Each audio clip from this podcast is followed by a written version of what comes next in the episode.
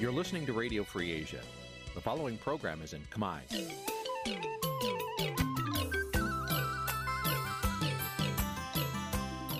Nǐ chi càm bi tiệp xáy vệt chiu a zì sê នេះជាកម្មវិធីផ្សាយរបស់ Vithu Azisari ជាភាសាខ្មែរ វិទ្យុអាស៊ីសេរីសូមស្វាគមន៍លោកអ្នកនាងទាំងអស់ពីរដ្ឋធានី Washington នៃសហរដ្ឋអាមេរិក ពីរដ្ឋធានី Washington នាងខ្ញុំសុជីវីសូមជម្រាបសួរ លោកអ្នកនាងកញ្ញាអ្នកស្ដាប់វិទ្យុអាស៊ីសេរីទាំងអស់ជាទីមេត្រីយើងខ្ញុំសូមជូនកម្មវិធីផ្សាយសម្រាប់ព្រឹកថ្ងៃច័ន្ទ5រោចខែមិគសេឆ្នាំថោះបัญចស័កពុទ្ធសករាជ2567ចាប់ដែលត្រូវនឹងថ្ងៃទី1ខែមករាគ្រិស្តសករាជ2024ចាស់ក្នុងឱកាសឆ្នាំថ្មីនេះក្រុមការងាររបស់វិទ្យុអាស៊ីសេរីចាសសូមជូនពរដល់លោកអ្នកនាងកញ្ញាអ្នកស្ដាប់វិទ្យុអាស៊ីសេរីទាំងអស់ចាសសូមជួបនៅជោគជ័យថ្មី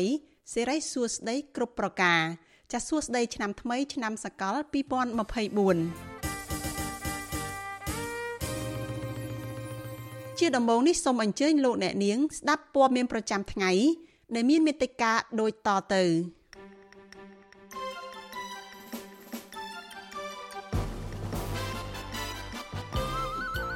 អ្នកសិក្សាផ្នែកច្បាប់ថាបើគ្មានយុត្តិធម៌សង្គមទេ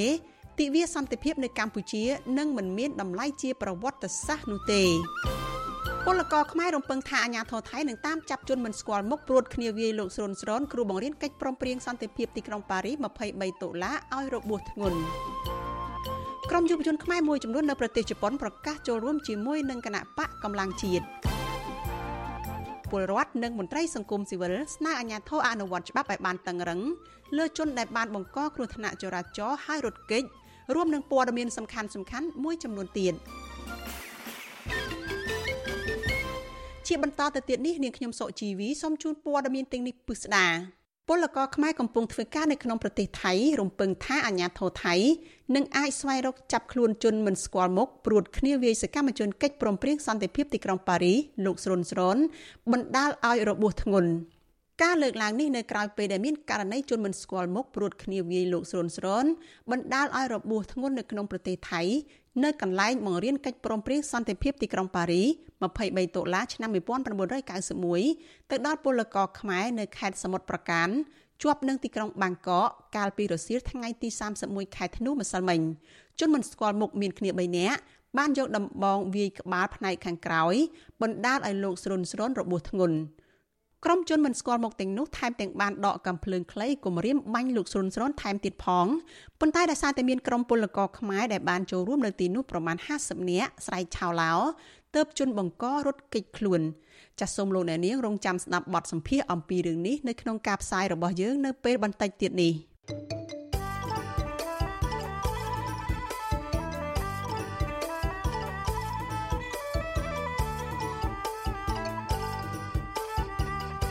លោកអ្នកនាងកញ្ញាជាទីមេត្រីក្នុងឱកាសឆ្នាំថ្មីឆ្នាំសកល2024នេះចាក្រុមការងាររបស់វិទ្យុអាស៊ីសេរី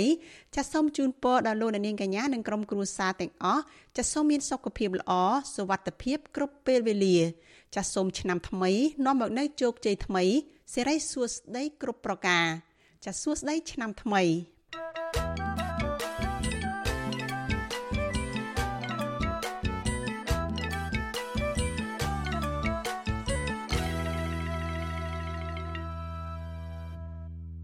លោកអ្នកនាងជាទីមេត្រីអ្នកសិក្សាផ្នែកច្បាប់លើកឡើងថាទិវាសន្តិភាពនៅកម្ពុជានឹងមិនមានតម្លៃជាប្រវត្តិសាស្ត្រនោះទេបើសិនជារដ្ឋាភិបាលលោកហ៊ុនម៉ាណែតមិនធ្វើនយោបាយផ្សះផ្សាជាតិនិងលើកកម្ពស់យុត្តិធម៌សង្គមមន្ត្រីសង្គមស៊ីវិលយល់ឃើញថាប្រសិនបរដ្ឋាភិបាលមិនដោះស្រាយបញ្ហារបស់ប្រជាពលរដ្ឋនៅតាមសហគមន៍នោះការសាទរទិវាសន្តិភាពមិនមានអត្តន័យទូលំទូលាយនោះឡើយចាលោកជីវិតារាយការណ៍ព័ត៌មាននេះ អ្នកសិក្សាផ្នែកច្បាប់និងមន្ត្រីសង្គមស៊ីវិលលើកឡើងថាដើម្បីឲ្យប្រជាពលរដ្ឋសាទរទិវាសន្តិភាព ចេញពីទឹកចិត្តពិតប្រាកដរដ្ឋាភិបាលគួរតែលើកកម្ពស់ជីវភាពពលរដ្ឋតាមរយៈការបើកលំហប្រជាធិបតេយ្យនិងការផ្សះផ្សាជាតិអ្នកសិក្សាផ្នែកច្បាប់លោកវ៉ូនចាន់ឡូតយល់ឃើញថា ពាក្យថាអគុណសន្តិភាព និងការបង្កើតទិវាសន្តិភាពមិនមានអត្ថន័យសម្រាប់ប្រជាពលរដ្ឋខ្មែរទាំងអស់នោះទេ ប្រសិនបើអយុត្តិធម៌សង្គមនៅតែកើតមានឥតស្រាកស្រាននោះលោកបន្តថាដើម្បីឲ្យទិវាសន្តិភាពនៃកម្ពុជាមានតម្លៃជាប្រវត្តិសាស្ត្រនោះលុះត្រាតែរដ្ឋាភិបាលលោកហ៊ុនម៉ាណែតលើកកម្ពស់នីតិរដ្ឋនិងបញ្ឈប់ការធ្វើទុកបុកម្នេញលើអ្នកនយោបាយដែលមាននិន្នាការផ្ទុយពីរដ្ឋាភិបាល អ្នកដែលចេញសារអបអរសាទរនេះវាមិនចម្លែកបើសិនជាគ្មានប្រយោជន៍ប្រយោជន៍សេដ្ឋកិច្ចប្រយោជន៍អំណាចបុណ្យស័ក្តិទូនទីប្រហែលគឺវាចាំបាច់តម្រូវឲ្យអ្នកទាំងអស់នោះត្រូវតែអបអរសាទរការលើកឡើងរបស់អ្នកសិក្សាផ្នែកច្បាប់នេះធ្វើឡើងបន្ទាប់ពីក្រមមន្ត្រីរាជការកម្លាំងសមត្ថកិច្ចនិងស្ថាប័នរដ្ឋបាននាំគ្នាចេញសារប្រងព្រាតនៅលើបណ្ដាញសង្គម Facebook គាំទ្រលោកនាយករដ្ឋមន្ត្រីហ៊ុនម៉ាណែត ដែលប្រកាសមិនប្រារព្ធទិវាសន្តិភាពអន្តរជាតិ21កញ្ញានិងជំនួសមកវិញដោយការប្រារព្ធទិវាសន្តិភាពនៃកម្ពុជា29ធ្នូដែលជាថ្ងៃរំលឹកខួបនយោបាយឈ្នះឈ្នះរបស់គណៈបកប្រជាជនកម្ពុជាលោកហ៊ុនម៉ាណែតបានលើកឡើងដូចនេះក្នុងពេលលោកសម្ពោធស្ថានីយ៍ប្រព្រឹត្តកម្មទឹកកខ្វក់ជើងឯកនៅរាជធានីភ្នំពេញកាលពីថ្ងៃទី27ធ្នូក្រុមអ្នកចេញលិខិតសារទរបានសរសើរនឹងលើកដំកើងឪពុករបស់លោកហ៊ុនម៉ាណែតគឺលោកហ៊ុនសែន ថាជាអគ្គមគ្គទេសឯកដែលពួកគេអះអាងថា ជាអ្នកបញ្ចប់ការបែកបាក់ជាតិក្នុងរយៈពេល500ឆ្នាំចុងក្រោយនេះទោះជាយ៉ាងណា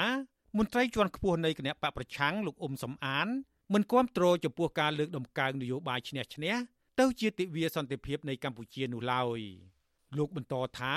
ពាក្យឈ្នះឈ្នះរបស់លោកហ៊ុនសែន គឺសំដៅលើជ័យជំនះរដ្ឋប្រហារដណ្ដើមអំណាចពីសម្ដេចក្រមព្រះនរោត្តមរណរដ្ឋកាលពីឆ្នាំ1997ឈ្នះឈ្នះក្នុងការលួចបន្លំសន្លឹកឆ្នោតឈ្នះឈ្នះក្នុងការរំលាយគណៈបកប្រឆាំង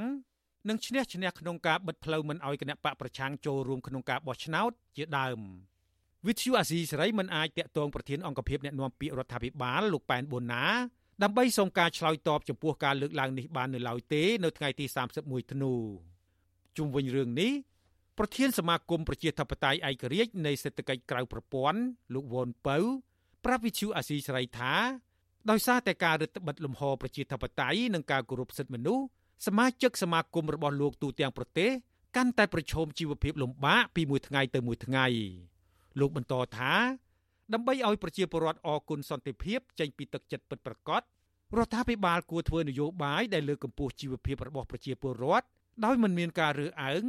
និងដោះស្រាយសំណើរបស់ពលរដ្ឋដែលចេញតវ៉ាពីបញ្ហាផ្សេងផ្សេងឲ្យបានឆាប់ជាជាងបន្តគ្រប់គ្រងអ្នកមានទ្រព្យសម្បត្តិនិងអំណាចហើយចោទប្រកាន់ក្រុមពលរដ្ឋដែលរងគ្រោះនិងអ្នកតវ៉ាថាជាក្រុមបកប្រឆាំងទៅវិញពាក្យថាអគុណសន្តិភាពគឺត្រូវតែទទួលបានការអរគុណទាំងអស់គ្នាមិនមែនអរគុណតែក្រុមណាមួយហើយទុកក្រុមណាមួយចោលនោះទេអញ្ចឹងយើងចង់បានទាំងអស់គ្នាពីព្រោះយើងឃើញថា ទោះបីជាមានពាក្យនេះនៅគ្រប់ទីកន្លែងយ៉ាងណាក៏ដោយប៉ុន្តែប្រជាពលរដ្ឋរងគ្រោះតូនត្អែតេតទៅនឹងជីវភាពប្រចាំថ្ងៃតេតទៅនឹងប្រាក់ចំណូលតេតទៅនឹងការរំលោភដីធ្លីធ្វើបាបប្រជាពលរដ្ឋទៅតែនៅតែកើតមាននៅឡើយយើងចង់ឃើញសន្តិភាពសម្រាប់ប្រជាពលរដ្ឋខ្មែរទាំងមូលទាំងសន្តិភាពផ្លូវកាយផ្លូវចិត្តសន្តិភាពទទួលបានការគោរពសិទ្ធិមនុស្សសន្តិភាពទទួលបានយុត្តិធម៌ស្មើស្មើគ្នាចំពោះមុខច្បាប់អ្នកវិភាគនយោបាយលើកឡើងថា ការបង្កើតទិវាសន្តិភាពនៃកម្ពុជា នឹងមិនមានតម្លៃជាប្រវត្តិសាស្ត្រនោះឡើយប្រសិនបើអយុត្តិធម៌សង្គមនៅតែបន្តរីកធំឡើងនោះបច្ចុប្បន្នមន្ត្រីគណៈបកប្រឆាំងសកម្មជនការពារសិទ្ធិមនុស្សសកម្មជនបរិស្ថាន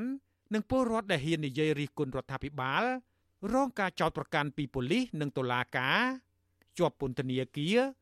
ហើយមួយចំនួនទៀតបង្ខំចិត្តរត់ភៀសខ្លួនទៅក្រៅប្រទេសដើម្បីសវត្ថិភាពខ្ញុំជីវិតាអាស៊ីសេរី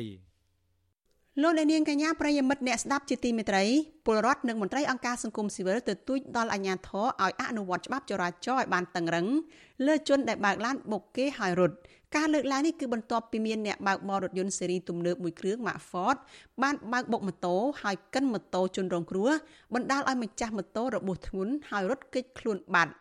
ពលរដ្ឋម្នាក់នៅក្រុងប៉ោយប៉ែតខេត្តបន្ទាយមានជ័យលោកអ៊ិតស៊ីមដែលប្រកបរបរជាអ្នករត់កង់3 ប្រាប់វិទ្យុអាស៊ីសេរីកាលពីថ្ងៃទី31ខែធ្នូថាលោកបារម្ភពីសុវត្ថិភាពនៅពេលបើកបរលើដងផ្លូវនៅពេលយប់ព្រោះមានជនបរទេសមួយចំនួនចេញពីហាងស៊ីផឹកហើយបើកបរនៅក្នុងស្ថានភាពស្រវឹងមិនគ្រប់ច្បាប់ចរាចរណ៍នោះទេ លោកថាដោយសារកើតមានករណីបើកឡានបុកហើយរត់គេចជាបន្តបន្ទាប់នេះលោកក៏សម្រេចចិត្តឲ្យកូនឈប់រៀនគួរនៅពេលយប់ព្រោះខ្លាចគ្រោះថ្នាក់អាដេញតន្ត្រី ក្រៅអូខេនឹងអីក៏កាវផឹកស៊ីពីនេះពីណាមកបើកអូវាដូចថាគ្មានគិតអាយុជីវិតដល់ខ្មែរយើងនេះនិយាយខ្លីទៅវាអាងវាមានលុយពលរដ្ឋម្នាក់ទៀតនៅខេត្តសៀមរាបលោកឆៃរតថ្លែងថាជារឿយរឿយលោកតែងបើកបរដោយប្រុងប្រយ័ត្នការពារគ្រោះថ្នាក់ចរាចរណ៍ប៉ុន្តែលោកនៅតែព្រួយបារម្ភពីសវត្ថិភាពនៅលើដងផ្លូវលោកបន្ថែមថាប្រសិនបើមានគ្រោះថ្នាក់ចរាចរណ៍ អ្នកដែលបង្កគួរតែកុំរត់គេចហើយគួរតែងាកមកដោះស្រាយបញ្ហាខ្ញុំគិតថាច្បាប់គួរឲ្យតឹងបងច្បាប់នគរបាលគួរតែទៅពង្រៀនពីដល់មូលដ្ឋានរបស់ប្រជាពលរដ្ឋមិនចាំបាក់អនុវត្តទៅលើផ្លូវដល់នោះទេសំខាន់បំផុតគឺភូមិឃុំមានមានសុវត្ថិភាពតាមផ្លូវការលើកឡើងនេះបន្ទាប់ពីស្នងការដ្ឋាននគរបាលរាជធានីភ្នំពេញចុះផ្សាយលើទំព័រ Facebook ផ្លូវការកាលពីថ្ងៃទី29ខែធ្នូថាស្នងការនគរបាលរាជធានីភ្នំពេញលោកជួននរិន បានបញ្ជាឲ្យមន្ត្រីជំនាញស្រាវជ្រាវស្វែងរកអ្នកបើកបររថយន្តទំនើប Mark Ford បើកបុកហើយកិនម៉ូតូបណ្ដាលឲ្យអ្នកបើកបរម៉ូតូរបួសនៅសង្កាត់ភ្នំពេញថ្មីខណ្ឌសែនសុខកាលពីថ្ងៃទី28ខែធ្នូមន្ត្រីនគរបាលយុតិធធនៃអធិការដ្ឋានខណ្ឌសែនសុខកាលពីថ្ងៃទី28ខែធ្នូបានចេញលិខិតកោះហៅម្ចាស់រថយន្តគឺលោកអឹមអរុនគង់ហុងអាយុ22ឆ្នាំ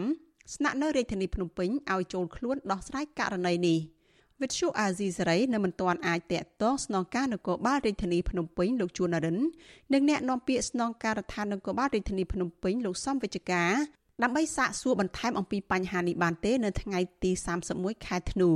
ករណីគ្រោះថ្នាក់ចរាចរណ៍ដែលជនបង្កបានបើកបោកហើយរត់នេះបង្ហាញពីរូបភាពពីរផ្សេងគ្នានៃការអនុវត្តច្បាប់របស់អាជ្ញាធរករណីជនបង្កមានលុយនិងមានអំណាចគឺអាជ្ញាធរមិនបានចាត់វិធានការភ្លាមៗដោយករណីកូនប្រុសរបស់មេធាវី ព្រំវិចិត្រសុភា គឺលោកព្រំវិចិត្រសុសក្តាដែលបានបើកឡានទំនើប Majib ប្រណាំងជាមួយនឹងឡានទំនើបផ្សេងទៀតហើយបានបុកលោកសៀងកំហុងដែលជាកីឡាករវាយសីឆ្នើមរបស់កម្ពុជា នៅសង្កាត់បឹងកក់2បណ្ដាលឲ្យស្លាប់កាលពីថ្ងៃទី14ខែធ្នូ បន្ទាប់ពីគ្រោះថ្នាក់ចរាចរណ៍អស់រយៈពេលជាងមួយសប្តាហ៍មកអាជ្ញាធរនៅតែមិនអាចចាប់ខ្លួនជនបង្កមកដោះស្រាយបាននៅឡើយទេបើទោះបីជារដ្ឋមន្ត្រីក្រសួងយុតិធធលោកកើតរិទ្ធនិងតំណាងអัยការរាជធានីភ្នំពេញបានចេញដីកាបញ្ជាឲ្យចូលខ្លួនក៏ដោយអាជ្ញាធរគ្រាន់តែអំពាវនាវដល់ជនបង្កឲ្យមកបង្ហាញខ្លួន នៅស្នងការដ្ឋាននគរបាលរាជធានីភ្នំពេញ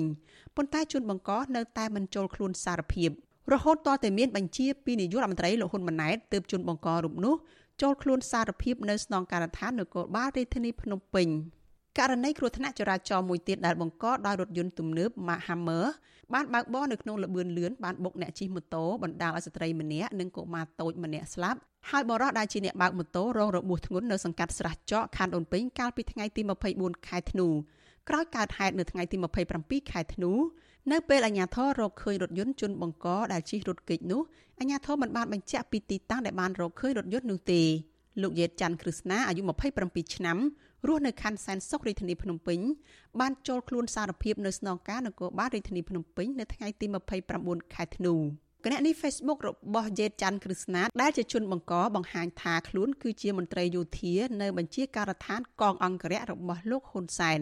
ករណីគ្រោះថ្នាក់ចរាចរណ៍បុកហើយរត់គេចនេះកំពុងក្លាយជាវប្បធម៌អាក្រក់នៅកម្ពុជាសូម្បីតែលោកជាមយាបអនុប្រធានរដ្ឋសភាមកពីគណៈបកប្រជាជនកម្ពុជា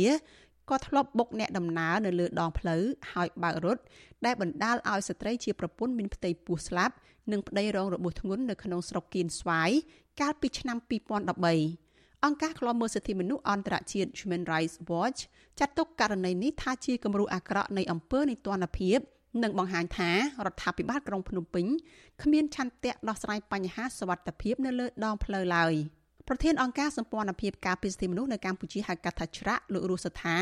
យល់ឃើញថាបើការអនុវត្តច្បាប់នៅតែមានស្តង់ដារ2ដោយកូនអ្នកមានប្រាក់និងមានអំណាចបង្កគ្រោះថ្នាក់ហើយរួចខ្លួននោះនឹងបង្កើតឲ្យមានភាពទំនើងនៅក្នុងសង្គមធ្វើឲ្យមនុស្សមួយចំនួននៅក្នុងត្រកូលអ្នកមានលុយមានអំណាចគ្មានការប្រុងប្រយ័ត្នហើយប្រជាពលរដ្ឋស្លូតត្រង់ ចេះតែបន្តរងគ្រោះដោយមិនទទួលបានយុត្តិធម៌លោកអ្នកនាងកញ្ញាជាទីមេត្រីព័ត៌មានតកតងនឹងគណៈបកនយោបាយវិញម្ដងចាក្រមយុវជននៅក្នុងប្រទេសជប៉ុនប្រកាសចូលរួមជីវភាពនយោបាយជាមួយនឹងគណៈបកកម្លាំងជាតិដើម្បីចូលរួមស្ដារលទ្ធិប្រជាធិបតេយ្យ និងគាំទ្រដល់ការប្រកួតប្រជែងការបោះឆ្នោតប្រសិទ្ធភាពនៅពេលខាងមុខប៉ុន្តែមន្ត្រីគណៈបកកណ្ដាលអំណាចយល់ឃើញថារឿងនេះមិនមានអ្វីចម្លែកនោះទេពីព្រោះគណៈបកកណ្ដាលអំណាចក៏មានយុវជននៅក្រៅប្រទេសគាំទ្រច្រើនដែរចាលោកមានរិទ្ធមានសេចក្តីរាយការណ៍អំពីរឿងនេះជូនលោកអ្នកនាងក្រមយុវជននៅប្រទេសជប៉ុនប្រមាណ100នាក់នៅថ្ងៃទី31ខែធ្នូ បានប្រកាសចូលរួមជាមួយគណៈបកកម្លាំងជាតិដើម្បីរួមគ្នាជំរុញឲ្យកម្ពុជាគោរពសិទ្ធិមនុស្សនិងផ្ដល់ឱកាសដល់យុវជនជំនាន់ក្រោយឲ្យពួកគេអាចចូលរួមចំណែកកសាងប្រទេសជាតិក្រុមការងារដែលចូលរួមជីវភាពនយោបាយជាមួយគណៈបកកម្លាំងជាតិមានដូចជាលោកគៀថាណាត្រូវបានតែងតាំងជាប្រធានសាខាគណៈបកកម្លាំងជាតិប្រចាំប្រទេសជប៉ុន លោកប៊ឿននឿនជាអនុប្រធានសាខាបកលោកឈុនចិន្តាណាដូ ជាលេខាធិការបក លោកស្រីសួនចន្ទទៀងជាប្រធានហេរញ្ញិកនិងសមាជិកមួយចំនួនទៀតបើទោះបីជាការប្រកាសសមាជិកគណៈបកកម្លាំងជាតិនេះពុំមានថ្នាក់ដឹកនាំគណៈបកនេះចូលរួមដោយផ្ទាល់ក៏ដោយក៏ពួកគាត់បានចូលរួមតាមប្រព័ន្ធទំនាក់ទំនង Zoom រួមមានប្រធានគណៈបកកម្លាំងជាតិលោកសុនចន្ទធីទីប្រឹក្សាគណៈបកនេះលោករងឈុននិងអគ្គលេខាធិការគណៈបកលោកសុកកំសែងប្រធានសាខាគណៈបកកម្លាំងជាតិប្រចាំប្រទេសជប៉ុនលោកគៀថាណាប្រាវិសុវស៊ីស្រីថា គោលបំណងនៃការចូលរួមធ្វើការជាមួយគណៈបកកម្លាំងជាតិនៅពេលនេះគឺលោកចង់ឲ្យកម្ពុជា មានការគោរពសិទ្ធិមនុស្សពីព្រោះលោកថាបច្ចុប្បន្ននៅកម្ពុជាមិនទាន់គោរពតាមនីតិរដ្ឋឲ្យបានត្រឹមត្រូវនៅឡើយទេ ជាការបដិញ្ញាចិត្តរបស់ខ្ញុំគឺខ្ញុំលះបង់ពេលវេលាលះបង់អ្វីៗសពគ្រប់បែបយ៉ាងគឺចង់ឲ្យតែប្រទេសកម្ពុជានឹងមានលទ្ធិប្រជាធិបតេយ្យពិតប្រាកដមានការគោរពសិទ្ធិមនុស្សហើយការពារផលប្រយោជន៍ខ្មែរទាំងអស់ទាំងប្រទេសជាតិទាំងប្រជាពលរដ្ឋហើយនិងបូរណភាពដែនដីនេះជាអ្វីដែលខ្ញុំបានសម្រេចចិត្តហើយដូច្នេះហើយខ្ញុំសង្ឃឹមថាយុវជនទាំងអស់គាត់ប្រកាសជានឹងចូលរួមច្រើនជាមួយគណៈបកកម្លាំងជាតិមិនថាតែនៅប្រទេសជប៉ុនទេនៅទូទាំងពិភពលោកនឹងចូលរួម លោកគៀថាណាជាអតីតអនុប្រធានសាខាគណៈបកភ្លើងទៀនប្រចាំប្រទេសជប៉ុនហើយមូលហេតុដែលលោកហកចូលជាមួយគណៈបកកម្លាំងជាតិគឺដោយសារតែគណៈបកភ្លើងទៀនពុំអាចចូលរួមបោះឆ្នោតជ្រើសតាំងតំណាងរាស្ត្រកាលពីថ្ងៃទី23ខែកក្កដានិងមិនអាចចូលរួមបោះឆ្នោតជ្រើសតាំងសមាជិកព្រឹទ្ធសភាអាណត្តិទី5នៅថ្ងៃអាទិត្យទី25ខែកុម្ភៈឆ្នាំ2024ខាងមុខបាន អនុប្រធានគណៈបកកម្លាំងជាតិលោកជាមនីសាទរចំពោះការចូលរួមរបស់ក្រមយុវជន ដែលធ្វើការនឹងរស់នៅក្នុងប្រទេសជប៉ុនលោកដឹងថាក្រៅពីពង្រីករចនាសម្ព័ន្ធនៅប្រទេសជប៉ុនគណៈបកកម្លាំងជាតិក៏ក្រុមបង្កើតសាខាក្រុមការងារនៅប្រទេសអូស្ត្រាលីកូរ៉េខាងត្បូងម៉ាឡេស៊ីនិងបារាំងដើម្បីពង្រឹងយុវជន និងលើកទឹកចិត្តឲ្យពួកគេចេះឈឺឆ្អាលបញ្ហានយោបាយ ទាក់ទងនឹងបញ្ហានេះអ្នកនាំពាក្យគណៈបកប្រជាជនកម្ពុជាលោកសុកអេសាន លើកឡើងថាការកសាងកម្លាំងនយោបាយរបស់គណៈបកកម្លាំងជាតិនៅក្រៅប្រទេសនៅពេលនេះគឺជារឿងធម្មតានិងមិនបានជួយអ្វីដល់ការបោះឆ្នោតនាពេលខាងមុខឡើយ ក៏ប៉ុន្តែខ្លាំងមិនខ្លាំងវាអាស្រ័យទៅលើអង្គបោះឆ្នោតតើតើអង្គបោះឆ្នោតនឹងគ្រប់គ្រងគាត់ឬអត់ប៉ុណ្្នឹងនេះវាមិនសំខាន់នៅដល់សាខាបកនៅឯនេះប្រទេសឯនេះសមុទ្រនោះទេបាទឥឡូវ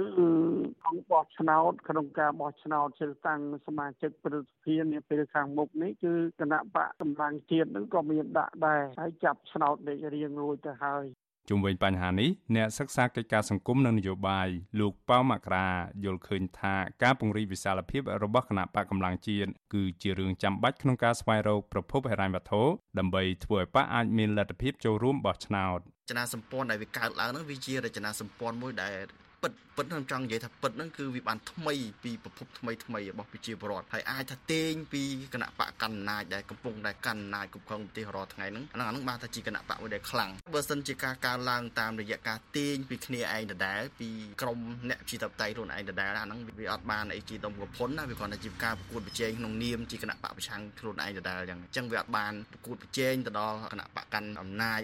គណៈបកកម្លាំងជាតិ ត្រូវបានបង្កើតឡើងដោយក្រុមអតីតមន្ត្រីជាន់ខ្ពស់គណៈបកភ្លើងទៀនបន្ទាប់ពីគណៈកម្មាធិការជាតិរៀបចំការបោះឆ្នោតហៅកាត់ថាកោចប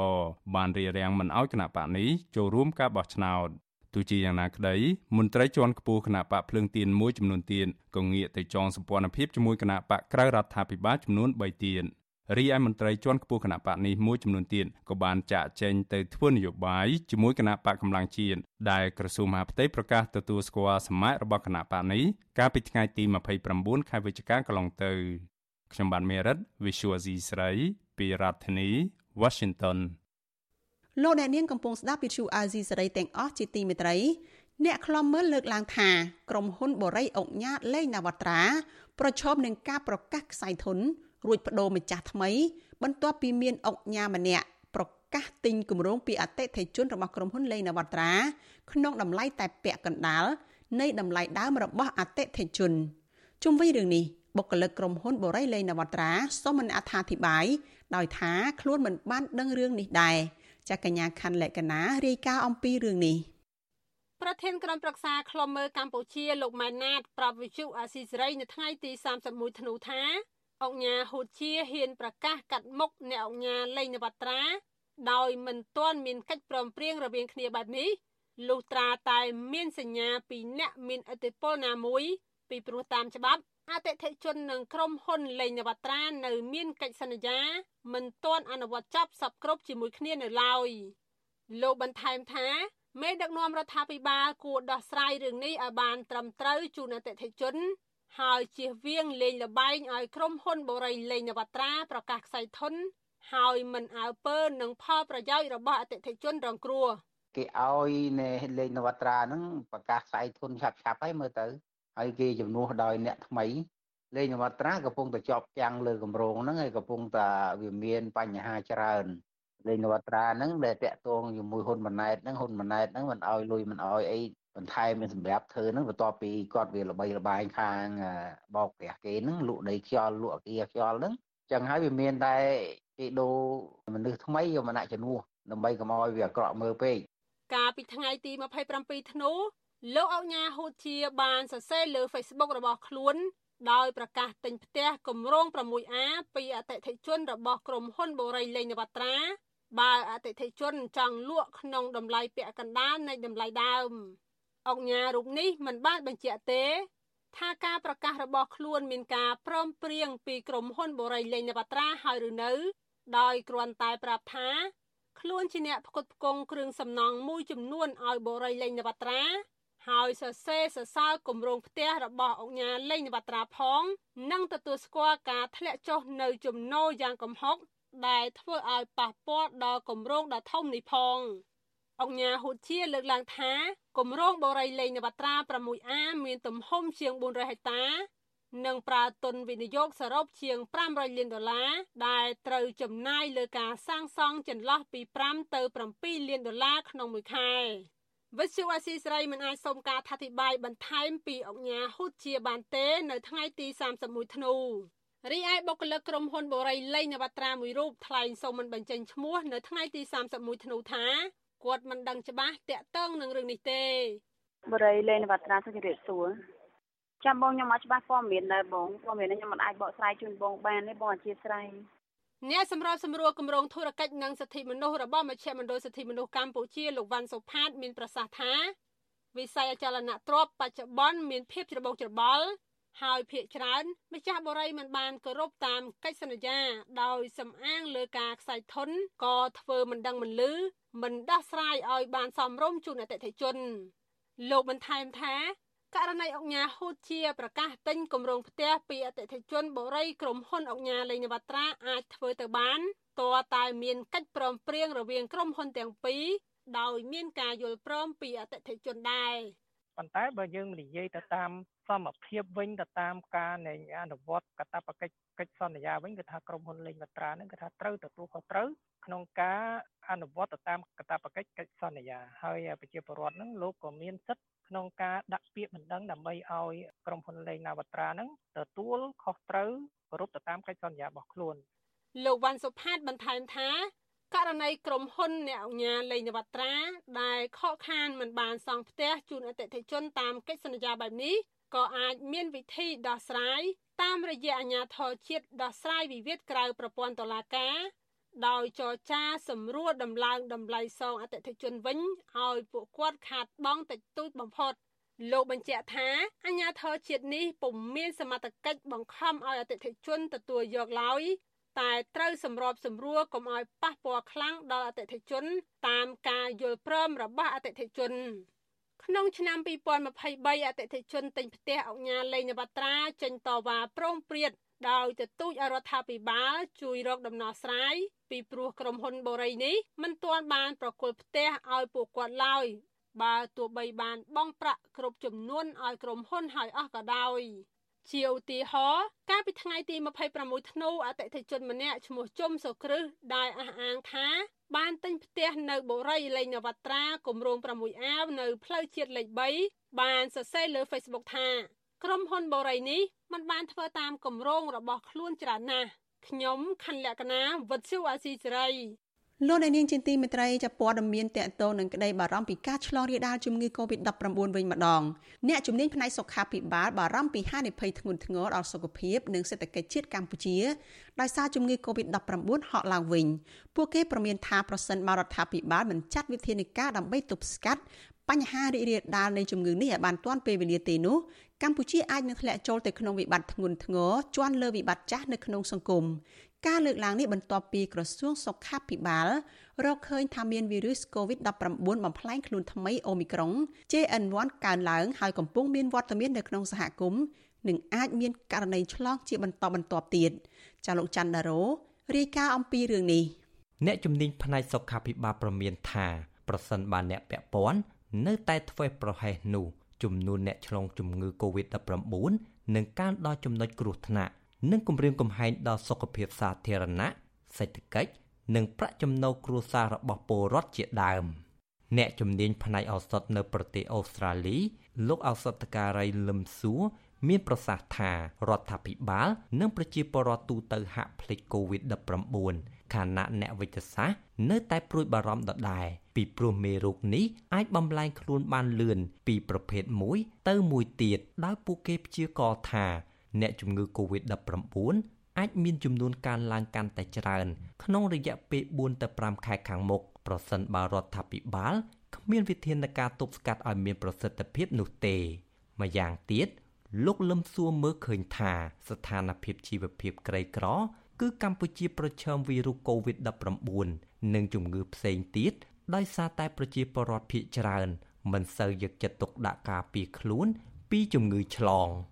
អា COVID នេះប្រែកម្លាំងខ្លួនងារតែវាគ្រាយើងមើលមិនដឹងថាវាទៅជាអីមួយសប្តាហ៍នេះយើងមានវ៉ាក់សាំងប៉ុន្តែវ៉ាក់សាំងមិនមែនថាវ៉ាក់សាំងហ្នឹងវានឹងទប់ទល់នឹងអា COVID នឹងមកថ្មីថ្មីទេពិភពលោកអង្គការសហប្រជាជាតិខាងសុខភាពពួយបារម្ភមែនទែនមកពួកយើងមានកំភ្លើងចាស់អាវុធចាស់តែចំពោះមេរោគវាថ្មីជានិច្ចវាចេះកម្លាយខ្លួនវាជានិច្ចថ្ងៃណាមួយអាខ្លាំងមែនទែនអាវុធយើងលែងជុល គឺយើងចប់ពិភពលោកយើងធ្ងន់ជាអាស្នេហ៍នេះស្ពូទៀតធ្ងន់ជាអាកូវីដសម្រាប់យើងទៀត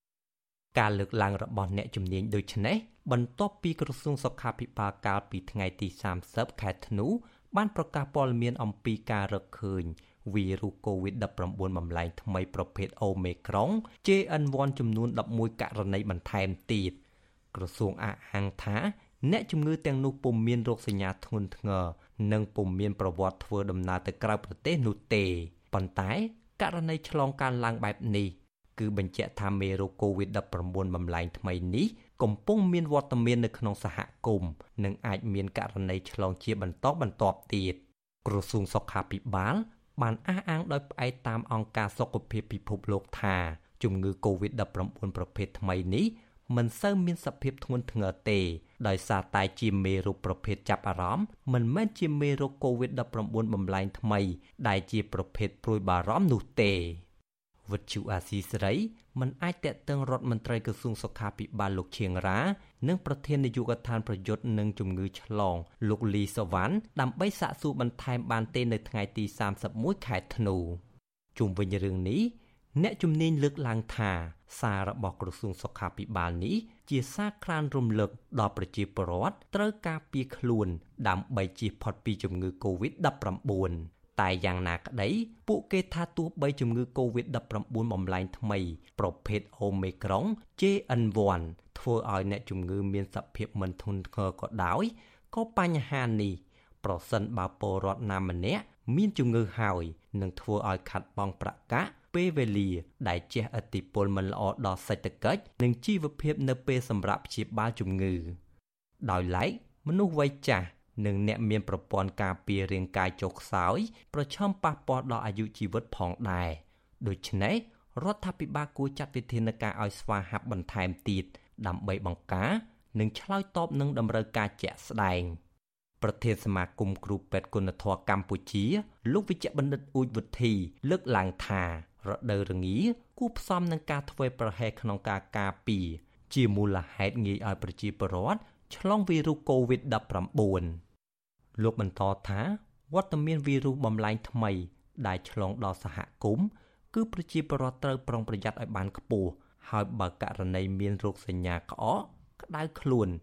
ឬពិបាកដកដង្ហើមត្រូវប្រញាប់ទៅមន្ទីរពេទ្យជាបន្ទាន់ មេត្តាបងប្អូនជំរុញចាក់វ៉ាក់សាំងដុសជំរុញនឹងឲ្យបានគ្រប់គ្នាបាទបើសិនជាបងប្អូនអត់មានអង្គតិកការពារខ្លួនអត់មានអង្គតិកដោយវ៉ាក់សាំងទេអានឹងវាអាចនឹងមានហានិភ័យខ្លះដែរបាទបើសិនបងប្អូនវាមានប្រព័ន្ធការពារខ្លួនហើយអញ្ចឹងអូមីក្រុង GN1 ហ្នឹងมันអាច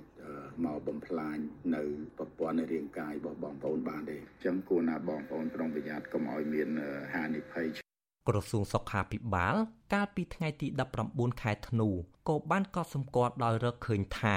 ករណីឆ្លងជំងឺ Covid-19 តាមរយៈការធ្វើតេស្តរហ័សនៅក្នុងចំណោមអ្នកជំងឺ ដែលទទួលសេវាសុខាភិបាលនៅតាមមន្ទីរពេទ្យមួយចំនួន បានកើនឡើងដែរករណី Covid បំលែងថ្មី Omicron JN1 កើនឡើងនេះក្រសួងសុខាភិបាលបានអំពាវនាវដល់ប្រជាពលរដ្ឋប្រុងប្រយ័ត្នដោយត្រូវអនុវត្តគោលការណ៍អនាម័យ ដូចជាពាក់ម៉ាស់លាងដៃរក្សាគម្លាតពីគ្នា បន្តចាក់វ៉ាក់សាំងឲ្យបានគ្រប់ដូសហើយអ្នកដែលមានហានិភ័យដូចជាកុមារចាស់ជរាបុគ្គលដែលមានជំងឺប្រចាំកាយស្ត្រីមានផ្ទៃពោះមិនត្រូវចូលរួមកម្មវិធីដែលមានមនុស្សច្រើនជាដើមគិតត្រឹមព្រឹកថ្ងៃទី31ខែធ្នូកម្ពុជាមានអ្នកឆ្លងជំងឺ Covid-19 សរុបជាង139,000នាក់ ក្នុងនោះអ្នកជាសះស្បើយមានជាង135,000នាក់និងអ្នកស្លាប់នៅចំនួន3056នាក់ខ្ញុំបាទច័ន្ទរោវុទ្ធុអាស៊ីសេរីលោកអ្នកនាងកំពុងស្ដាប់វិទ្យុអាស៊ីសេរីចាដែលផ្សាយចេញពីរដ្ឋធានី Washington សហរដ្ឋអាមេរិកមេដឹកនាំគណៈបកប្រឆាំងនិងមន្ត្រីអង្គការសង្គមស៊ីវិលចង់ឃើញគណៈបកកណ្ដាលអំណាចឬរដ្ឋាភិបាលយកពេលវេលាឆ្នាំថ្មីឆ្នាំ2024នេះ ដោះស្រាយបញ្ហាចំនួននយោបាយនិងបញ្ហាប្រឈមរបស់ពលរដ្ឋទោះយ៉ាងណាមន្ត្រីបកកាន់អំណាចឆ្លើយតបថារដ្ឋាភិបាលកំពុងដឹកនាំប្រទេសដោយការពៀបាននូវសន្តិភាពនិងដោះស្រាយបានបញ្ហាធំធំរបស់ពលរដ្ឋជាបន្តបន្ទាប់ចាលោកសេកបណ្ឌិតរាយការណ៍ព័ត៌មាននេះមេដឹកនាំគណៈបកក្រៅរដ្ឋាភិបាល និងមន្ត្រីអង្គការសង្គមស៊ីវិលក៏សម្គាល់ឃើញថា ឆ្នាំ2023ដែលនឹងជិតកន្លងផុតទៅនេះ គឺរដ្ឋាភិបាលមិនបានព្យាយាមដោះស្រាយវិបត្តិនយោបាយដោះលែងអ្នកទោសមនសិការនិងវិបត្តិរបស់ប្រជាពលរដ្ឋដូចជាវិបត្តិអចលនទ្រព្យទីផ្សារកសិផល និងទីផ្សារការងារជាដើមនោះ ជាដុំកំភួននៅឡើយទេទីប្រឹក្សាគណៈបកកម្លាំងជាតិលោករងឈុនលើកឡើងថាគណៈបកកម្លាំងជាតិចង់ឃើញរដ្ឋាភិបាលផ្ដល់ដំណោះស្រាយជូនពលរដ្ឋបញ្ហាបំណុលពលរដ្ឋនិងដោះលែងអ្នកជាប់ឃុំលោកយល់ថា បញ្ហាបំណុលនេះរដ្ឋាភិបាលគួរផ្ដល់យន្តការឲ្យពលរដ្ឋផ្អាកបង់ទៅធនាគារឬមីក្រូហិរញ្ញវត្ថុរយៈពេល2ឆ្នាំសិនចំណែកបញ្ហាអ្នកជាប់ឃុំ គឺលមមដល់ពេលរដ្ឋាភិបាលអនុញ្ញាតឲ្យពួកគាត់មានសេរីភាពវិលជួបប្រពន្ធកូនឡើងវិញហើយលោកយល់ថាប្រសិនបើរដ្ឋាភិបាលអាចដោះស្រាយបញ្ហានេះរដ្ឋាភិបាលនឹងទទួលបានការស្វាគមន៍ពីសហគមន៍អន្តរជាតិ ដោះលែងពួកគាត់ឲ្យមានសេរីភាពនៅកម្ពុជាយើងនឹងទទួលបានការស្វាគមន៍ពីមតិជាតិអន្តរជាតិហើយក៏ទទួលបាន EBA 20%ត្រឡប់មកវិញក៏ដូចជា GSP ដែលសហរដ្ឋអាមេរិកមិនទាន់បានបន្តឲ្យកម្ពុជាយើង ស្រដៀងគ្នានេះដែរអតីតប្រធានអ្នកនាំពាក្យគណៈបកភ្លើងទៀនលោកគឹមសុភិរិទ្ធដែលសពថ្ងៃជាសមាជិកគណៈបកឆន្ទៈខ្មែរ ចង់ឃើញឆ្នាំថ្មីខាងមុខរដ្ឋាភិបាលបើកលំហសេរីភាពបញ្ចេញមតិនិងសិទ្ធិជួបជុំរបស់ប្រជាពលរដ្ឋជាដើមលោកសង្ឃឹមថារដ្ឋាភិបាលនឹងស្ដាប់មតិរបស់គណៈបកក្រៅរដ្ឋាភិបាល។ដោយសារតែស្ថានភាពជាក់ស្ដែងនិងជំរុញឲ្យរដ្ឋាភិបាលធ្វើអ្វីខ្លះដូចដែលខ្ញុំបានគិតអញ្ចឹងណាមិនទៅបខំឲ្យធ្វើរំពឹងថាគេធ្វើតាមយើងតែតែគិតថារដ្ឋាភិបាលនឹងមានការផ្លាស់ប្ដូរអីរបស់ខ្លះ ដើម្បីស្ដារឡើងវិញនៅសិទ្ធិសេរីភាពរបស់ប្រជាពលរដ្ឋនិងជាសេដ្ឋកិច្ចក្នុងជីវភាពនៅដំណាច់ឆ្នាំ2023ឈានចូលដល់ឆ្នាំ2024មេដឹកនាំគណៈបកនយោបាយជាពិសេសគណៈបកកណ្ដាលអំណាចបានផ្ញើសារជូនពរឲ្យគ្នាទៅវិញទៅមកតាមរយៈប្រព័ន្ធផ្សព្វផ្សាយក្នុងស្រុកនិងតាមបណ្ដាញសង្គម Facebook យ៉ាងប្រងព្រាតលោកនាយករដ្ឋមន្ត្រីហ៊ុនម៉ាណែតបានផ្ញើសារជូនពរឪពុករបស់លោក គឺលោកហ៊ុនសែនដែលជាប្រធានក្រុម ឧត្តមក្រុមប្រឹក្សាព្រះមហាក្សត្រដោយលើកសរសើរថាឪពុករបស់លោក បានខិតខំប្រឹងប្រែងអស់ពីកម្លាំងកាយចិត្តប្រាជ្ញាស្មារតីស្ដារនិងអភិវឌ្ឍមាតុភូមិដ៏កំសត់ចេញពីគំនរផេះផង់ឲ្យមានការរីកចម្រើនជឿនលឿនឆាប់រហ័សបើទោះបីជាកូនប្រុសប្រឹងអួតសរសើរឪពុកបែបនេះក្តី តែលោកហ៊ុនសែនមិនទាន់ផ្ញើសារឆ្លើយតបឬអរគុណកូនប្រុសរបស់លោកវិញនៅឡើយទេចំណែកលោកសខេង ដែលសពថ្ងៃជាសមាជិកក្រុមឧត្តមប្រឹក្សាផ្ទាល់ព្រះមហាក្សត្រនិងជាអនុប្រធានគណៈបកប្រជាជនកម្ពុជាដោយលោកហ៊ុនម៉ាណែតដែរនោះ បានផ្ញើសារជូនពរលោកហ៊ុនម៉ាណែតឲ្យបន្តដឹកនាំរដ្ឋាភិបាលឈានទៅសម្រេចបានគោលដៅជាយុទ្ធសាស្ត្រអតិភិបនានា ដែលបានដាក់ចេញសម្ដៅបន្តដំណើរការអភិវឌ្ឍរីចម្រើនបើទោះបីជាមានដឹកនាំបកកាន់អំណាចផ្ញើសារជូនពរឆ្នាំថ្មីល្អុកល្អឿនឲ្យគ្នាបែបនេះក្តី តែអ្នកវិភាគនយោបាយលោកកឹមសុខយល់ថាឆ្នាំ2024រដ្ឋាភិបាលនឹងប្រឈមនឹងវិបត្តិធំធំដូចជាការបន្តជាប់ទណ្ឌកម្មពីសហរដ្ឋអាមេរិកនិងសហភាពអឺរ៉ុបវិបត្តិបំណុលចិន និងវិបត្តិខ្វះសាច់ប្រាក់ជាដើមលោកកឹមសុខបន្តថាស្ថានភាពបែបនេះទំនងបកកាន់អំណាចកាន់តែគៀបសង្កត់បកប្រឆាំងអ្នកធ្វើការងារសង្គមនិងពលរដ្ឋកាន់តែធ្ងន់ធ្ងរថែមទៀត ដើម្បីគ្រប់គ្រងអំណាចរបស់ខ្លួន។កាលណាប្រឈមនឹងខ្វះលុយមានតែស្រវេស្រវាតាមផ្លូវងងឹតហើយកាលណាស្រវេស្រវាតាមផ្លូវងងឹតរឹតតែជួបនៅវិបត្តិរងសម្ពាធកាន់តែខ្លាំងឧទាហរណ៍ការពិនិត្យរបស់ស្ថាប័នអន្តរជាតិអំពីការចរាចរលុយពីប្រទេសកម្ពុជា ក្នុងរបបលាងលុយកខ្វក់ជាដើមដូច្នេះវ៉ាន់កកាន់តែខ្លាំងចាប់ពីឆ្នាំ2024ទៅ តកតងបញ្ហានេះអ្នកនាំពាក្យគណៈបកប្រជាជនកម្ពុជាលោកសុកអេសាន លើកឡើងថាការដឹកនាំប្រទេសឲ្យពលរដ្ឋមានជីវភាពសមរម្យជាទូនាទីរបស់រដ្ឋាភិបាលដែលអនុវត្តតាមគោលនយោបាយរបស់ខ្លួន ដោយមិនធ្វើតាមការបង្គាប់បញ្ជារបស់ជនណាម្នាក់នោះឡើយដោយឡែកអ្នកទោសមនសិការដែលកំពុងជាប់ឃុំលោកថាវាគឺជាសមត្ថកិច្ចរបស់តុលាការដែលជាស្ថាប័នឯករាជ្យ អានឹងជាទួនាទីភារកិច្ចរបស់រាជរដ្ឋាភិបាលកាន់អំណាចដូច្នេះហើយគឺมันបាច់គាត់ស្នើក៏គេធ្វើដែរបាទដើម្បីធ្វើយ៉ាងណាឲ្យប្រជាពលរដ្ឋនឹងមានជីវភាពរស់នៅសមរម្យប្រសើរពីមួយថ្ងៃទៅមួយថ្ងៃស្របទៅតាមកម្មវិធីនយោបាយរបស់រាជរដ្ឋាភិបាលបាទប្រធានអង្គការសម្ព័ន្ធភាពការពារសិទ្ធិមនុស្សកម្ពុជាហៅកាត់ថាច្រាក់លោករស់សុថាយល់ថាស្ថានភាពនយោបាយនៅក្នុងឆ្នាំ2023 គ្មានការប្រែប្រួលជាវិជ្ជមានគួរឲ្យកត់សម្គាល់ឡើយតែលោកកត់សម្គាល់ឃើញថា សមត្ថកិច្ចបានបង្ក្រាបការជួញដូរគ្រឿងញៀនដោះស្រាយបញ្ហាចរាចរណ៍និងការបន្ធូរបន្ថយលើសកម្មជនតស៊ូមតិកញ្ញាសេងធីរីលោកបន្តថាគណៈបកប្រឆាំងហាក់បន្ទន់អរិយាប័ត្រច្រើន ដោយមិនព្យាយាមធ្វើបាតកម្មក្នុងការទៀមទារោគដំណោះស្រាយអ្វីមួយឡើយដូច្នេះលោកជំរុញទៅរដ្ឋាភិបាលឬគណៈបកកណ្ដាលអំណាច គួរបើកចិត្តទូលាយជជែកគ្នាឡើងវិញជាមួយនឹងគណៈបកប្រឆាំងអ្នកខ្លំមើលសង្គមរូបនេះចង់ឃើញគណៈបកកណ្ដាលអំណាចគិតគូរពីបញ្ហាជាតិខ្ពស់ជាងផលប្រយោជន៍គណៈបកពេលនេះគឺថាជាពេលវេលាដែលកម្ពុជាយើងគឺថាធានាឯករាជ្យខ្លួនឯងបានហើយយើងលែងនៅក្រោមអាណានិគមរបស់នរណាហើយដូច្នេះយើងត្រូវធ្វើយ៉ាងម៉េចនយោបាយរបស់យើងឲ្យបម្រើប្រជាជាតិយើងឆ្នាំ2023 គឺជាឆ្នាំដែលក្រមមេដឹកនាំគណៈបកកណ្ដាលអំណាចផ្ទេរអំណាចទៅឲ្យកូនកូនរបស់ពួកគេបានដល់ជោគជ័យ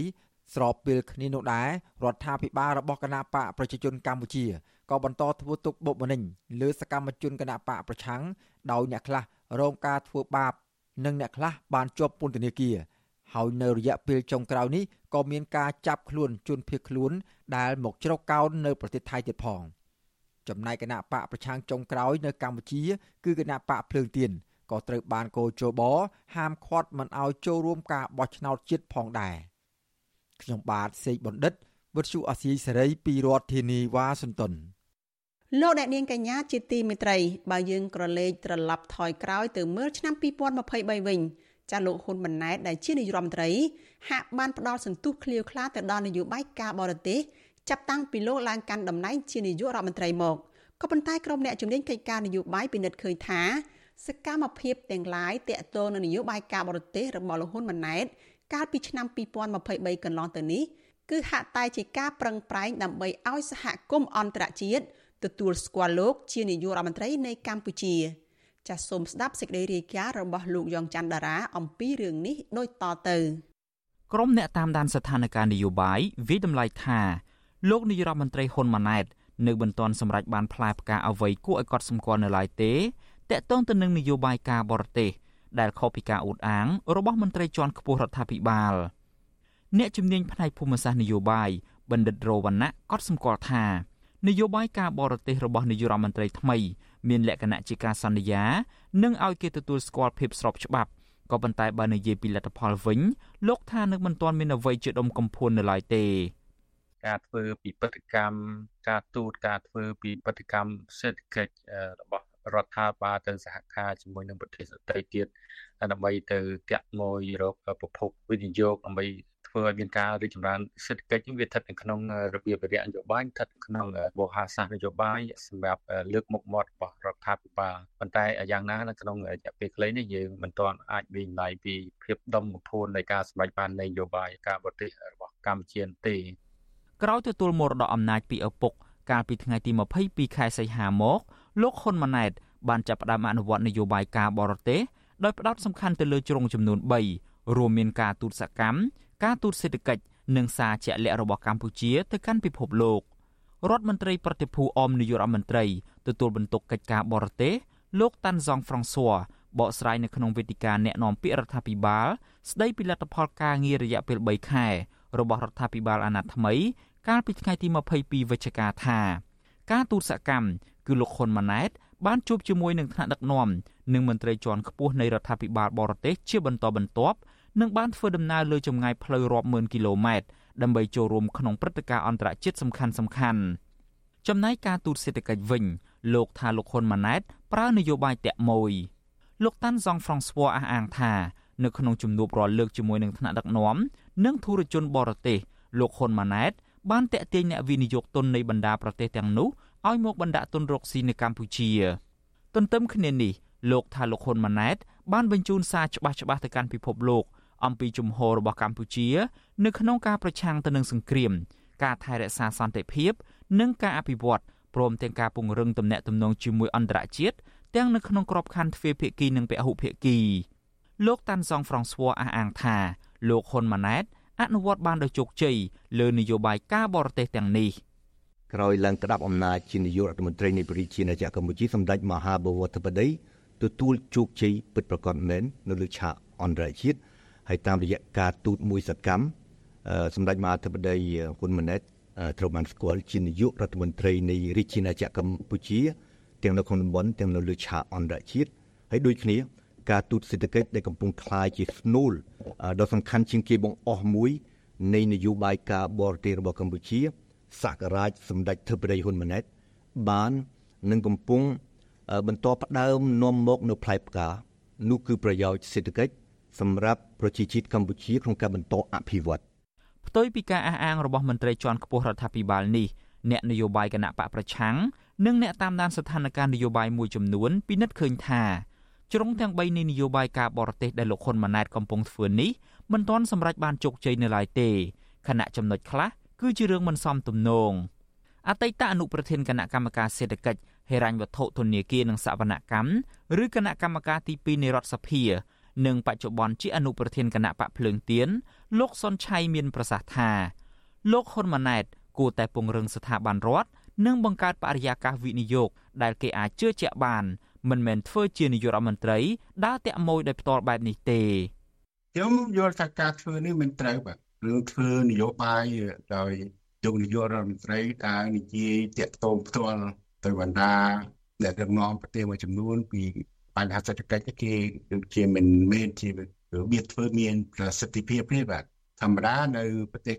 មួយចំនួនគេពង្រឹងវិស័យពាណិជ្ជកម្មក្រៅប្រទេសគេតាម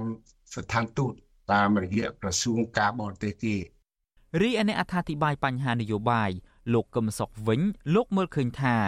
នយោបាយការបរទេសរបស់លោកហ៊ុនម៉ាណែតកាន់តែដើរចាកឆ្ងាយពីក្រមប្រទេសប្រជាធិបតេយ្យអ្នកនាំពាក្យរបស់ក្រុមគាត់បានត្រឹមតែនាំគ្នាកត់គីឡូម៉ែត្រដែលហ៊ុនម៉ាណែតធ្វើដំណើរពីប្រទេសកម្ពុជា ទៅប្រទេសផ្សេងផ្សេងទៀតចូលរួម ប្រជុំថ្នាក់អន្តរជាតិក្នុងក្របខ័ណ្ឌអាស៊ាននិងអង្គការសហប្រជាជាតិ មិនមែនក្របខ័ណ្ឌទ្វេភាគីណាប៉ុន្តែប៉ុណ្ណឹងប៉ុន្តែនយោបាយការបរទេសរបស់គាត់កាន់តែឃ្លាតឆ្ងាយពីប្រទេសសេរីប្រជាធិបតេយ្យដែលផ្ដល់ផលប្រយោជន៍សេដ្ឋកិច្ចពាណិជ្ជកម្មដល់ប្រទេសកម្ពុជាឧទាហរណ៍ថាសហរដ្ឋអាមេរិកអឺរ៉ុបវិទ្យុអាស៊ីសេរីបានព្យាយាមតាក់ទងរដ្ឋមន្ត្រីប្រតិភូអមនាយករដ្ឋមន្ត្រីទទួលបន្ទុកកិច្ចការបរទេសលោកតាន់សុងហ្វ្រង់ស្វ័រនិងអ្នកនាំពាក្យក្រសួងការបរទេសលោកអានសុខឿនជាច្រើនដងដើម្បីសាកសួរអំពីរឿងនេះ ក៏ប៉ុន្តែមិនទទួលបានការឆ្លើយតបនោះទេក្រោយពីឡើងកាន់តំណែងជានាយករដ្ឋមន្ត្រីអស់រយៈពេលជាង4ខែមកនេះលោកហ៊ុនម៉ាណែតបានទៅបំពេញទស្សនកិច្ចផ្លូវការជាលក្ខណៈទ្វេភាគី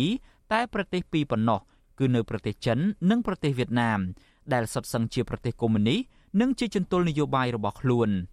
លោកជ្រើសរើសយកប្រទេសចិន គឺជាគោលដៅទី1ដែលលោកធ្វើទស្សនកិច្ចទ្វេភាគី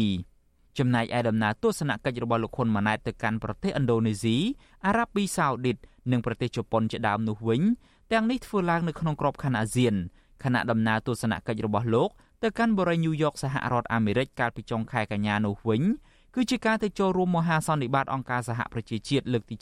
78នៅក្នុងនាមជាប្រមុខរដ្ឋាភិបាលនៃរដ្ឋសមាជិកអង្គការសហប្រជាជាតិលោកហ៊ុនម៉ាណែតបានថ្លែងនៅក្នុងមហាសន្និបាតអង្គការសហប្រជាជាតិថា កម្ពុជារក្សាជំហរនយោបាយការបរទេសអព្យាក្រឹតឯករាជ្យនិងបន្តកិច្ចសហប្រតិបត្តិការជាមួយបណ្ដាប្រទេសជាមិត្តដើម្បីជំរុញការអភិវឌ្ឍប្រកបដោយចីរភាព។ Cambodia remains resolute ជាប្រឆាំងដាច់ខាតចំពោះការគំរាមប្រើប្រាស់ឬប្រើកម្លាំងក្នុងទំនាក់ទំនងអន្តរជាតិការជ្រៀតជ្រែកកិច្ចការផ្ទៃក្នុង និងការឈ្លានពានរដ្ឋឯករាជ្យណាមួយ កម្ពុជាមិនអនុញ្ញាតឲ្យមានមូលដ្ឋានយោធាបរទេសនៅលើទឹកដីរបស់ខ្លួនដោយមានចែងក្នុងរដ្ឋធម្មនុញ្ញកម្ពុជាមិនអនុញ្ញាតឲ្យប្រទេសណាមួយឬក្រុមណាមួយប្រើប្រាស់ទឹកដីកម្ពុជា ប្រឆាំងនឹងប្រទេសផ្សេងទៀតឡើយកម្ពុជានឹងខិតខំបន្ថែមទៀតដើម្បីពង្រឹងនិងពង្រីកកិច្ចសហប្រតិបត្តិការល្អជាមួយបណ្ដាប្រទេសទូទាំងពិភពលោកតាមរយៈក្របខ័ណ្ឌទ្វេភាគី តំបន់និងអន្តរជាតិ through bilateral regional and international framework ទោះជាយ៉ាងណាអ្នកជំនាញផ្នែកវិទ្យាសាស្ត្រនយោបាយលោកអែមសវណ្ណារាមានប្រសាសន៍ថាសារនយោបាយរបស់លោកហ៊ុនម៉ាណែតនេះនៅមិនទាន់អាចធ្វើឲ្យក្រមប្រទេសនិយមប្រជាធិបតេយ្យជឿជាក់បាននោះទេ ពីព្រោះវានៅជាទ្រឹស្ដីដែលខ្វះការអនុវត្តជាក់ស្ដែងតំណែងតំណងទ្វេភាគីហាក់ដូចជាអត់ទាន់ស្ដារឬក៏កសាងបានល្អទេទៅសហរដ្ឋអាមេរិកឬក៏ទៅ អឺរ៉ុបវិញយើងអត់ទាន់ឃើញដំណើរទស្សនកិច្ចទ្វេភាគីទេមានតែទៅចិនទៅវៀតណាមអានោះដែលយើងឃើញណាហើយអញ្ចឹងកិច្ចការហ្នឹងវាយើងគិតថាជាសមិទ្ធផលវាអត់ទាន់ជាសមិទ្ធផលគ្រាន់តែសកម្មភាពវាអត់ទាន់បានផលជាវិជ្ជមានការអូសទាញវិនិយោគិនបរទេសមកវិនិយោគនៅកម្ពុជាក៏ហាក់ដូចជាមិនទាន់មានចរន្តឬក៏សន្ទុះបើយើងធៀបជាមួយប្រទេសវៀតណាមឬក៏ប្រទេសថៃមានចំណុចមួយចំនួនដែលសហគមន៍អន្តរជាតិទំនងជាពិបាកជឿជាក់ ទៅលើការថ្លែងរបស់លោកហ៊ុនម៉ាណែតនេះនៅក្នុងនោះរួមមានសន្ទុះលឿនរហ័សនៃការអភិវឌ្ឍមូលដ្ឋានទ័ពជើងទឹករៀមការចូលចតរបស់នាវាចម្បាំងចិននៅកំពង់ផែរៀមការធ្វើសមយុទ្ធយោធាពហុភាគីដឹកនាំដោយប្រទេសចិននិងការបន្តទំនាក់ទំនងជិតស្និទ្ធរវាងរដ្ឋាភិបាលកម្ពុជា និងរបបក្រុងប៉េកាំងលើវិស័យនយោបាយសេដ្ឋកិច្ចនិងយោធាជាដើម ជាមួយគ្នានេះកម្ពុជាក្រោមការដឹកនាំរបស់លោកហ៊ុនម៉ាណែតនៅតែមានករណីរំលោភសិទ្ធិមនុស្សធ្ងន់ធ្ងរ និងដើរខុសពីគន្លងប្រជាធិបតេយ្យដែលជាក្តីកង្វល់រួមរបស់ក្រមប្រទេសលោកសេរីម្យ៉ាងវិញទៀតលោកហ៊ុនម៉ាណែតបានថ្លែងបោកប្រាស់មហាសន្និបាតអង្គការសហប្រជាជាតិថាកម្ពុជាបានរៀបចំការបោះឆ្នោតដោយសេរី ត្រឹមត្រូវនិងយុត្តិធម៌អ្នកជំនាញផ្នែកភូមិសាស្ត្រនយោបាយបណ្ឌិតរោវណ្ណៈផ្ដល់អនុសាសន៍ថាដើម្បីឲ្យនយោបាយការបរទេសរបស់ខ្លួនសម្រេចបានដោយជោគជ័យនៅក្នុងឆ្នាំថ្មីនោះរដ្ឋាភិបាលរបស់លោកហ៊ុនម៉ាណែតត្រូវចាប់ផ្ដើមជាដំបូង ចេញពីការដោះស្រាយបញ្ហានៅក្នុងស្រុកជាមុនសិន មានជាអាចបញ្ហាសិទ្ធិសេរីភាពរបស់ប្រជាពលរដ្ឋបញ្ហាលំហនយោបាយនិងការពង្រឹងស្ថាប័នរដ្ឋជាដើមការរៀបចំក្នុងប្រទេសឲ្យខ្លាំងឲ្យល្អឲ្យស្អាតរឿងមុនហ្នឹងវាស្របជាមួយនឹងរដ្ឋធម្មនុញ្ញរបស់យើងដែលប្រកាន់នៅរបបប្រជាធិបតេយ្យសេរីភូបក ហើយនយោបាយការបរទេសមួយតែអភិក្រិតដែលមិនចូលបកសម្ព័ន្ធហេតុនេះមានន័យថាយើងអាចរកស៊ីជាមួយនឹងប្រទេសផ្ដាច់ការដូចជាចិនក៏បានយើងអាចរកស៊ីជាមួយនឹងប្រទេសជាតកែសេរីដូចជាអឺរ៉ុបដូចជាអាមេរិកដូចជាជប៉ុនដូចជាអូស្ត្រាលីក៏បានបាទក្រុមអ្នកជំនាញព្រមានថាប្រសិនបើរដ្ឋាភិបាលរបស់លោកហ៊ុនម៉ាណែតមិនព្រមដោះស្រាយវិបត្តិផ្ទៃក្នុងឲ្យមានប្រសិទ្ធភាពនៅក្នុងឆ្នាំ2024ឬឆ្នាំបន្តបន្ទាប់ទៀតទេនោះក្តីសុបិនរបស់រដ្ឋាភិបាល ដែលចង់គៀកោអ្នកវិនិយោគពីក្រៅប្រទេសដើម្បីមកជួយអភិវឌ្ឍកម្ពុជាឲ្យក្លាយជាប្រទេសមានចំណូលខ្ពស់នៅឆ្នាំ2050នោះនឹងមិនអាចទទួលបានជោគជ័យឡើយម្យ៉ាងវិញទៀតកម្ពុជាអាចនឹងមានកេរ្តិ៍ឈ្មោះមិនល្អថែមទៀតនៅលើឆាកអន្តរជាតិនៅក្នុងនាមជាប្រទេសដែលមានករណីរំលោភសិទ្ធិមនុស្សធ្ងន់ធ្ងរនិងរបៀបដឹកនាំតាមបែបផ្ដាច់ការដែលប្រឆាចពីរដ្ឋធម្មនុញ្ញនិងច្បាប់សិទ្ធិមនុស្សអន្តរជាតិខ្ញុំយ៉ងច័ន្ទដារាវិទ្យុអាស៊ីសេរី Washington លោកនាងកញ្ញាប្រិយមិត្តជាទីមេត្រីពលករខ្មែរកំពុងធ្វើការនៅក្នុងប្រទេសថៃរំពឹងថាអាញាធរថៃនឹងអាចស្វែងរកចាប់ខ្លួនជនមិនស្គាល់មុខព្រួតវាយសកម្មជនកិច្ចព្រមព្រៀងសន្តិភាពទីក្រុងប៉ារីលោកស្រុនស្រុនបណ្ដាលឲ្យរបួសធ្ងន់ការលើកឡើងនេះនៅក្រៅពេលដែលមានករណីជនមិនស្គាល់មុខព្រួតវាយលោកស្រុនស្រុនបណ្ដាលឲ្យរបួសធ្ងន់នៅប្រទេសថៃនៅកន្លែងបង្រៀនកិច្ចព្រមព្រៀងសន្តិភាពទីក្រុងប៉ារី23តុលា ឆ្នាំ1991ដល់ពលករខ្មែរនៅខេត្តសមុទ្រប្រការជាប់ទីក្រុងបាងកកកាលពីរសៀលថ្ងៃទី31ខែធ្នូម្សិលមិញជនមិនស្គាល់មុខមានគ្នា3នាក់បានយកដំបងវាយក្បាលផ្នែកខាងក្រោយបណ្ដាលឲ្យលោកស្រុនស្រុនរបួសធ្ងន់ថែមទាំងបានដកកំភ្លើងខ្លីបាញ់គំរាមលោកស្រុនស្រុនទៀតផងប៉ុន្តែដោយសារតែមានក្រុមពលករខ្មែរដែលបានចូលរួមនៅទីនោះប្រមាណ50នាក់ស្រែកឆោឡោ ទើបជនបង្ករត់គេចខ្លួនសូមលោកអ្នកនាងស្ដាប់បទសម្ភាសជាមួយពលករខ្មែរលោកស្រីបឹងសុគឿនអំពីរឿងនេះដូចតទៅចាជំរាបសួរលោកស្រីបឹងសុគឿនពីចម្ងាយចាចាជំរាបសួរបងស្រីចាលោកស្រីតើនៅពេលនេះនឹងលោកស្រុនស្រននឹងគាត់មានស្ថានភាពយ៉ាងណាទៅបានដឹងពីសុខទុក្ខគាត់យ៉ាងម៉េចទេចាអូនៅពេលនេះគឺស្ថានភាពគាត់រួចផុតពីគ្រោះថ្នាក់ហើយពេលនេះគាត់នៅមន្ទីរពេទ្យដេនៅមុខរបួសដែលបែកក្បាលហ្នឹងបង អ្នកដែលរងគ្រោះហ្នឹងមានតែគាត់មួយរូបទេឬក៏មានអ្នកផ្សេងដែលនៅក្នុងហេតុការណ៍នឹងមានរបួសដែរអូមានពីរនាក់បងគឺប្អូនស្រីតោពីហើយនិងបងស្រុនស្រនហ្នឹងសុភាហ្នឹងគាត់គាត់ជាដៃគូរបស់លោកស្រុនស្រននៅក្នុងការចេញមកបង្រៀនហ្នឹងហ៎ចាចាចាត្រូវហើយបង ចាប៉ុន្តែដែលធ្ងន់ធ្ងរនោះគឺលោកស្រុនស្រនតែមួយរូបនឹងទេចា ចាចាតើហេតុការណ៍នោះយ៉ាងម៉េចខ្លះទៅនៅពេលដែលគាត់ទៅបង្រៀននឹងគាត់បង្រៀនកន្លែងណាទីតាំងណាហើយហេតុម៉េចបានជាមានមនុស្សមិនស្គាល់មុខនឹងអាចចូលទៅដល់កន្លែងបង្រៀននឹងវាយគាត់បានចាគឺដោយសារតែពួកយើងបានធ្វើការរៀនសូត្រហ្នឹងមិនចប់ទៅហើយពួកយើងធ្វើបង្រៀនហ្នឹងគឺនៅវត្តវត្តក្នុងសមុទ្រប្រការមួយឈ្មោះវត្តគូសាងចា ដល់ពេលដែលពួកយើងរៀនចប់ហើយក៏មានប្រសងមកប្រាប់ថាឲ្យពួកយើងចុះទៅហូបអាហារអាហារដែលគេយកមកស្វែងលោកដើម្បីចែកជូនប្រជាពលរដ្ឋហូបហ្វ្រីអញ្ចឹងពួកយើងក៏នាំគ្នាចុះទៅដល់ពេលហ្នឹងយើងបំបែកគ្នា បងស្រូននិងសោភាក៏ពុំតែចូលធ្វើការឡាយសុតតែសັບតែមានជនមិនស្គាល់មុខពីរនាក់ ដើរមកវាយសុភាមុនចាវាយសុភាមុនហើយបងស្រូនក៏ចូលទៅជួយ ចូលទៅជួយ ម្នាក់ទៀតក៏មកវាយបងស្រូននឹងដំបងដែរបែកក្បាលហើយបងស្រូនក៏សង្កត់មនុស្សនោះជាប់តែមនុស្សមួយទៀតយកកំភ្លើងមកប្រឹងបាញ់បងស្រូនហើយបងស្រូនស្រែកឲ្យជួយពួកយើងក៏នាំគ្នារត់ទៅរត់ទៅពួកគេក៏នាំគ្នារត់រហូតទៅដល់កន្លែងឡានដែលគេចតទុកចម្ងាយពីវត្តប្រហែលជា300ម៉ែត្រចា តើអាចដឹងថាអ្នកដែលប្រព្រឹត្តនេះជាខ្មែរឬក៏ជាថៃចាអូខ្ញុំបើតាមសង្កេតឃើញប្រហែលជាជនជាតិថៃនិងលីខ្មែរបងព្រោះយើងសម្គាល់អត្តសញ្ញាណបានដោយសារតែពីថ្ងៃយើងឃើញមនុស្សប្លែកមុខមកញញឹមញញែមដាក់យើងសង្កេតយើងតាំងពីថ្ងៃហើយក៏យើងនឹកឃើញស្មានតែពលករយើងអត់បានសង្កេតថាជាជនល្មើសទេហើយតែពីរអ្នកទៀតប្រហែលជាជនជាតិថៃព្រោះអី នៅពេលដែលគេវាយបងស្រូននោះគឺមានផោះតាងដែលធ្លាក់នៅកន្លែងនេះជារបស់ជនជាតិថៃចាជាជាអ្វីចាជាអ្វីដែរចាគឺជាខ្សែដៃបងហើយមកដល់ពេលនេះនឹងតើអាញាធរថៃនឹងឆ្លើយថាម៉េចចានៅពេលដែលយើងមើលឃើញនៅក្នុងរូបភាពនឹងគឺមានប៉ូលីសថៃចុះមកហើយក៏មានក្រុមគ្រូពេទ្យថៃនឹងចុះមកដែរនឹងថាតើសមត្ថកិច្ចថៃនឹងមានការអះអាងមានការឆ្លើយតបអីយ៉ាងម៉េចចំពោះរឿងនេះចា៎ គាត់អឺมันបានអះអាងអ្វីទេតែគាត់នឹងបន្តទៅសួរបន្តទៀតហើយនឹងតាមតាមរោជនល្មើសឲ្យបានទោះទោះថាផោះតាងយើងមានច្បាស់លាស់ដោយសារនៅវត្តនេះគាត់មានកាមេរ៉ាគ្រប់ជ្រុងបងស្រីជនល្មើសហ្នឹងគាត់បានពាក់ម៉ាស់ចិត្តទាំងអស់គ្នាដូច្នេះហើយយើងអត់ទាន់ដឹងថាយ៉ាងម៉េចទេចាំមើលប៉ូលីសគាត់ឲ្យ ចម្លើយយើងនៅថ្ងៃស្អែកកន្លងមកនឹងតកតនឹងស្ថានភាពរបស់ពលករខ្មែរដែលកំពុងតែរស់នៅប្រទេសថៃនឹងអជាពិសេសគឺពលករដែលសកម្មក្នុងការឈឺឆ្អាលពីបញ្ហាសុខទុក្ខរបស់ពលករគ្នាឯងហើយក៏ជា អ្នកដែលសកម្មយកចិត្តទុកដាក់តស៊ូទាមទារសិទ្ធិសេរីភាពអីហ្នឹងក៏ធ្លាប់ជួបបញ្ហា ការគំរាមកំហែងហើយក្នុងនោះក៏មានសកម្មជន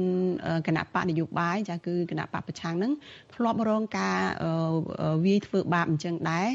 តើចំពោះលោកស្រីវិញលោកស្រីយល់ឃើញថារឿងនេះអាចតាក់ទងនឹងករណីពីមុនពីមុនមកដែរទេចា៎ចាខ្ញុំប្រកាសណាស់បងស្រីគឺថា អ្វីដែលបងស្រូនជួបនៅពេលនេះគឺពួកយើងមុននឹងមករៀននៅទីក្រុងម៉ាងកកហើយនឹងប្រទេសថៃនេះគឺដោយសារមានសារគម្រាមច្រើនណាស់គឺមិនឲ្យបងស្រូនកើតមកបង្រៀនទេតែដោយ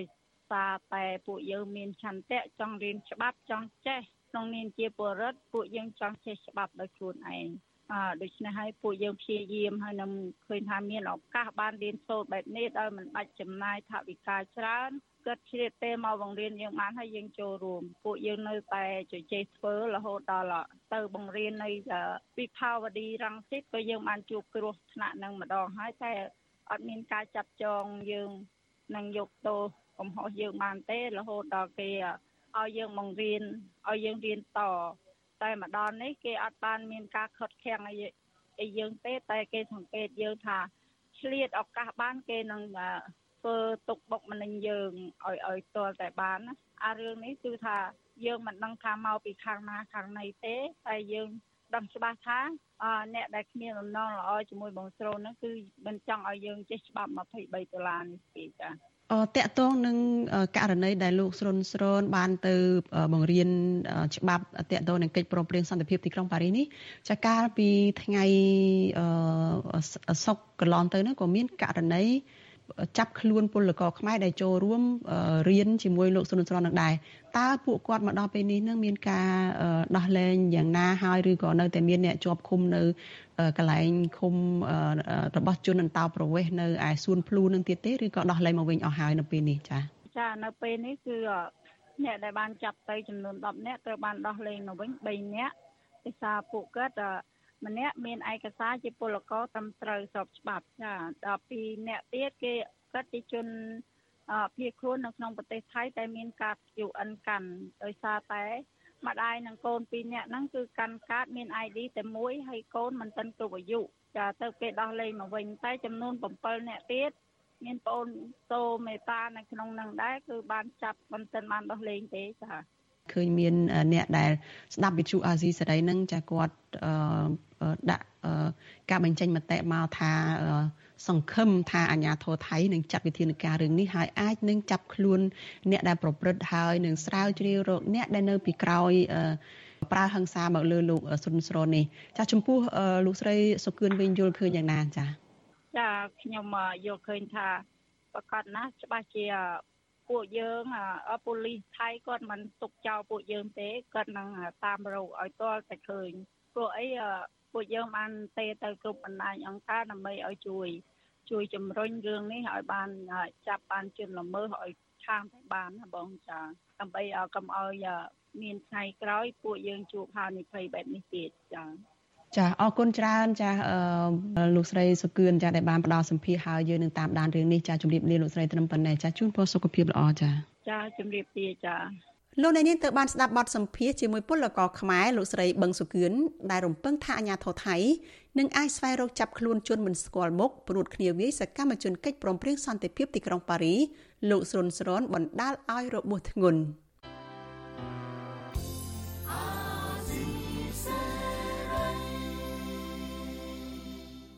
លោកអ្នកនាងកញ្ញាប្រិយមិត្តអ្នកស្ដាប់ជាទីមេត្រីការផ្សាយរយៈពេល1ម៉ោងរបស់វិទ្យុអាស៊ីសេរីជាភាសាខ្មែរនៅព្រឹកនេះចាប់ត្រឹមតែប៉ុណ្ណេះក្នុងឱកាសឆ្នាំថ្មីឆ្នាំសកល2024នេះក្រុមការងាររបស់វិទ្យុអាស៊ីសេរីសូមជូនពរដល់លោកអ្នកនាងចាស់ព្រមទាំងក្រុមគ្រួសារទាំងអស់សូមមានសុខភាពល្អសុខសុវត្ថិភាពគ្រប់ពេលវេលា ចាស់សូមឆ្នាំថ្មី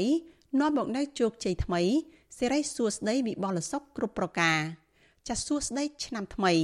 ចា៎នាងខ្ញុំសូជីវីព្រមទាំងក្រុមការងារទាំងអស់នៃវិទ្យុអាស៊ីសេរីសូមអរគុណនិងសូមជម្រាបលា